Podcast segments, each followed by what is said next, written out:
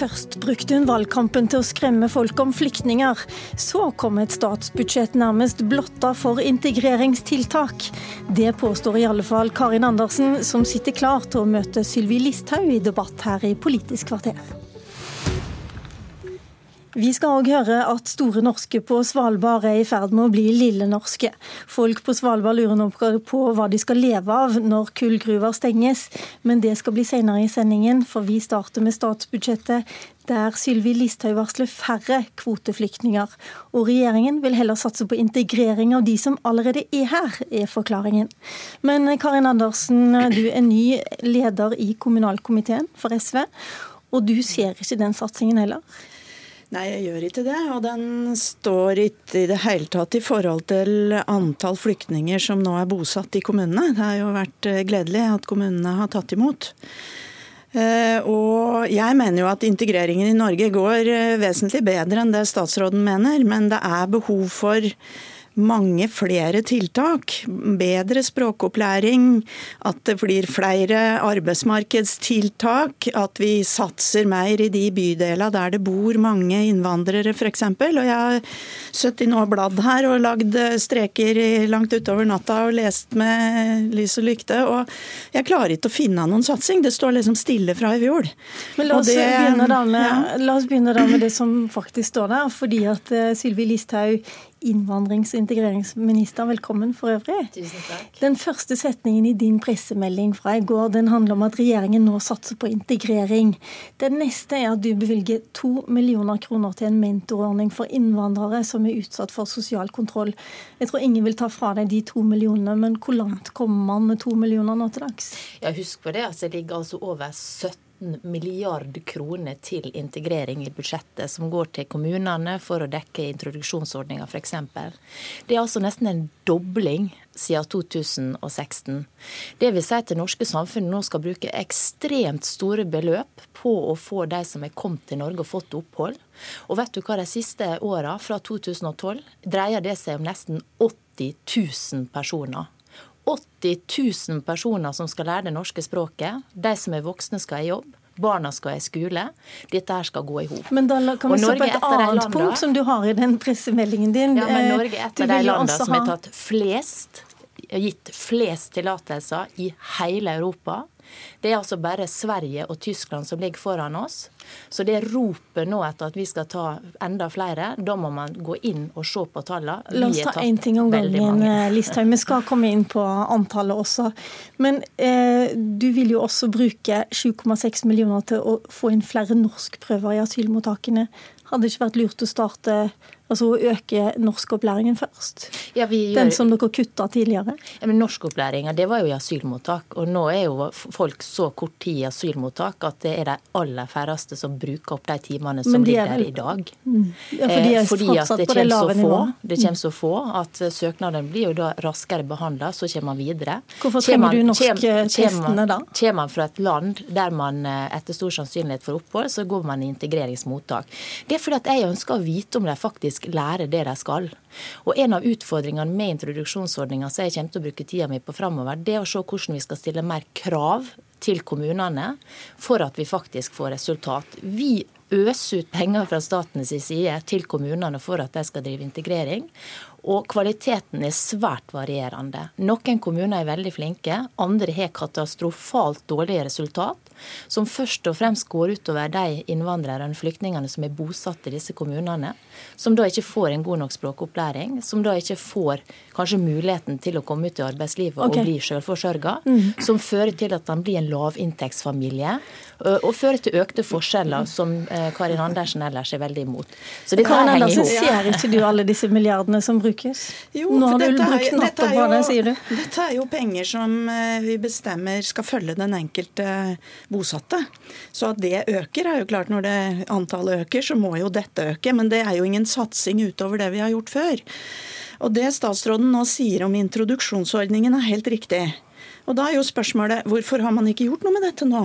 For dette har vi visst lenge, at den trenger å bli bedre. For det er veldig stor forskjell. Det er mange ulike ting vi kunne ha gjort med dette, og statsråden burde jo se på de som kommer nå mer som en ressurs enn som et problem. Og da har vi flere ting, f.eks. mange flere arbeidsmarkedstiltak skulle man jo tro man hadde da når man vet at flere er ledige. Det er det ikke.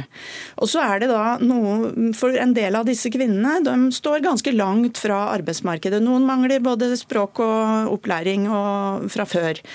Da er det noen tiltak som heter f.eks. Jobbsjansen, som er et veldig bra tiltak som regjeringa ikke satser noe mer på i år, sjøl om det er mange flere som kunne trengt det. Og de har til og med fjerna retten for de kvinnene som går hjemme, er så fattige at de går på sosialhjelp. De får ikke engang lov til å være med på et slikt tiltak lenger, som har vært vellykka. Så jeg savner den der satsinga. Når man snakker så mye om at folk skal på jobb, så må man jo sørge for at de faktisk får den kompetansen som gjør at noen har en jobb å tilby dem. Vi kan ikke være gjennom alle de organisasjonene som får støtte, men det er jo ganske mange mm. organisasjoner som er litt sinna på regjeringen akkurat nå, Sylvi Listhaug, mm. fordi de ikke får støtte. Eh, 30 landbruksorganisasjoner nei, eh, organisasjoner innen Landbruksdepartementet, deriblant 4H.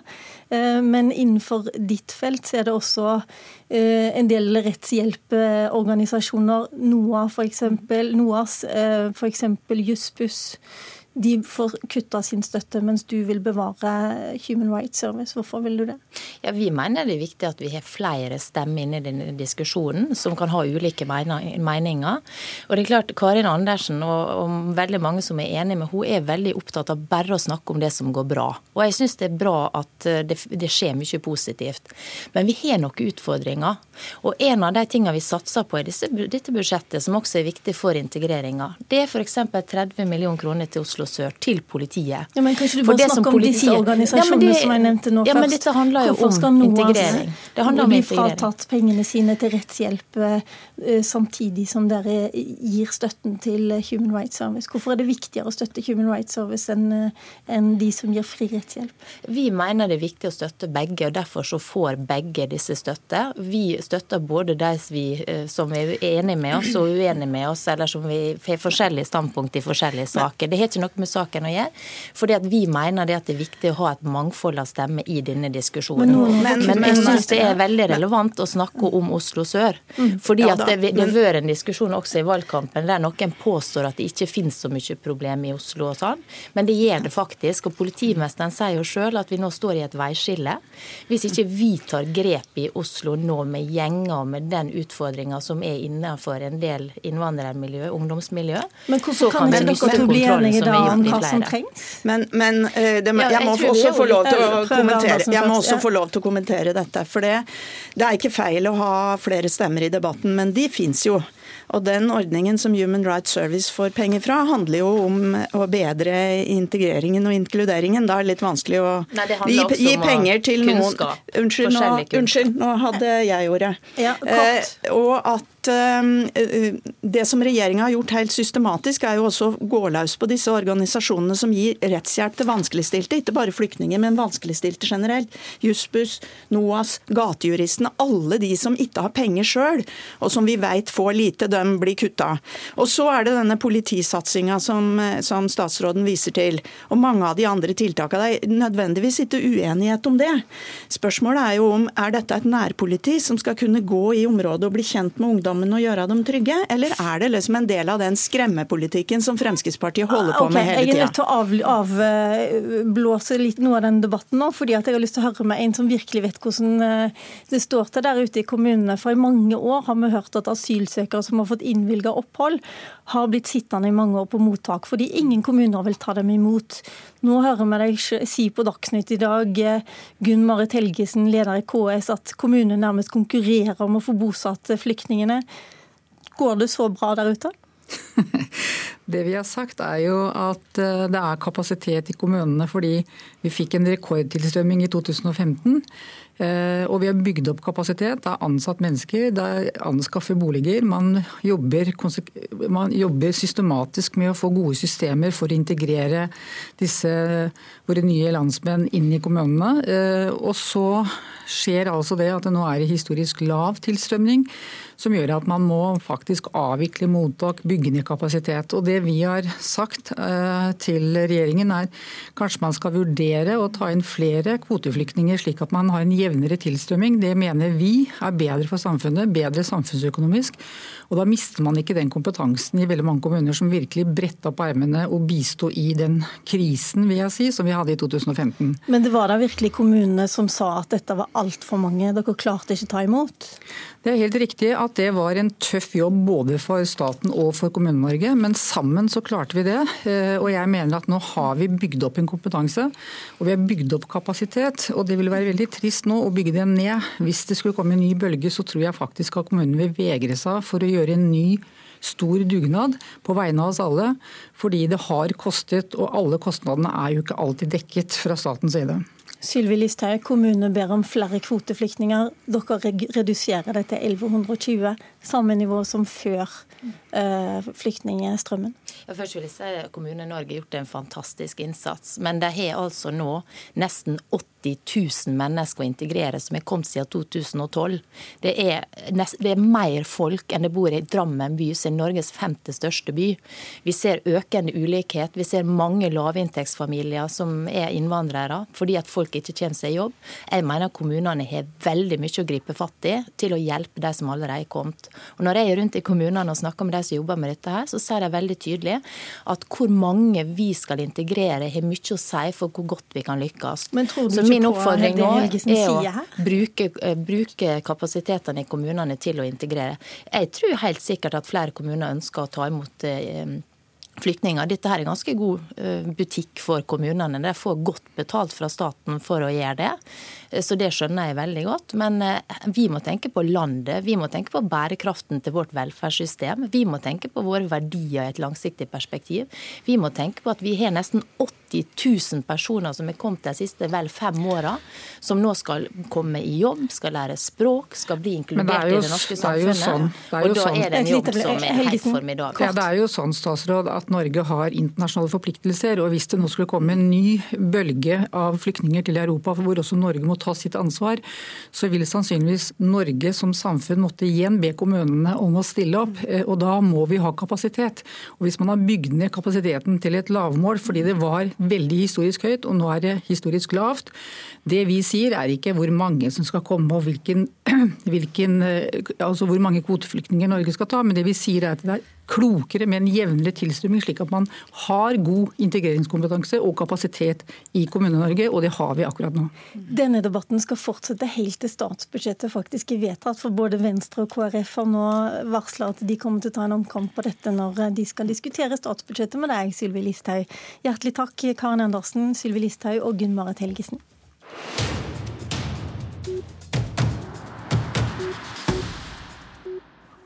Og nå har vi hatt litt problemer med lyden til eh, deg, Arild Olsen, eh, som er lokalstyreleder på Svalbard, men vi rekker deg med i slutten av sendingen. Det er få steder i Norge hvor man venter, like stor spenning, venter i like stor spenning på statsbudsjettet som det folk gjør på Svalbard. Og i går ble det klart tradisjonsrike Store Norske Kullkompani stenger gruvene i Svea og Lunkefjell. Hvordan reagerer folk på det, Arild Olsen? Nei, Det er jo klart at det er mange som er skuffa. Det er jo mange som uh, har sin arbeidsplass uh, i Svea, og det var flere som hadde ønska at man skulle få begynne å jobbe i Svea igjen etter at det har vært en driftshvile periode der. Uh, men det som er gledelig, er jo det at man signaliserer at man skal opprettholde gruveproduksjonen i, i Longyearbyen. Og Det utgjør en betydelig robusthet for oss som, som samfunn og gir en horisont i forhold til den enkelte ansatte. Hva er viktigst for dere nå, da, når folk og næringsliv skal omstilles? For eh, selv om Donald Trump har avlyst kampen mot kull i, Norge, nei, i USA, så er det vel ikke realistisk å tro man skal gjøre det samme i Norge? Nei, altså Omstillingsprosjektet av Longyearbyen er omfattende og har pågått i, i, mange år. så Sånn sett så syns jeg kanskje ikke budsjettet reflekterer eh, det omstillingsprosjektet vi står i.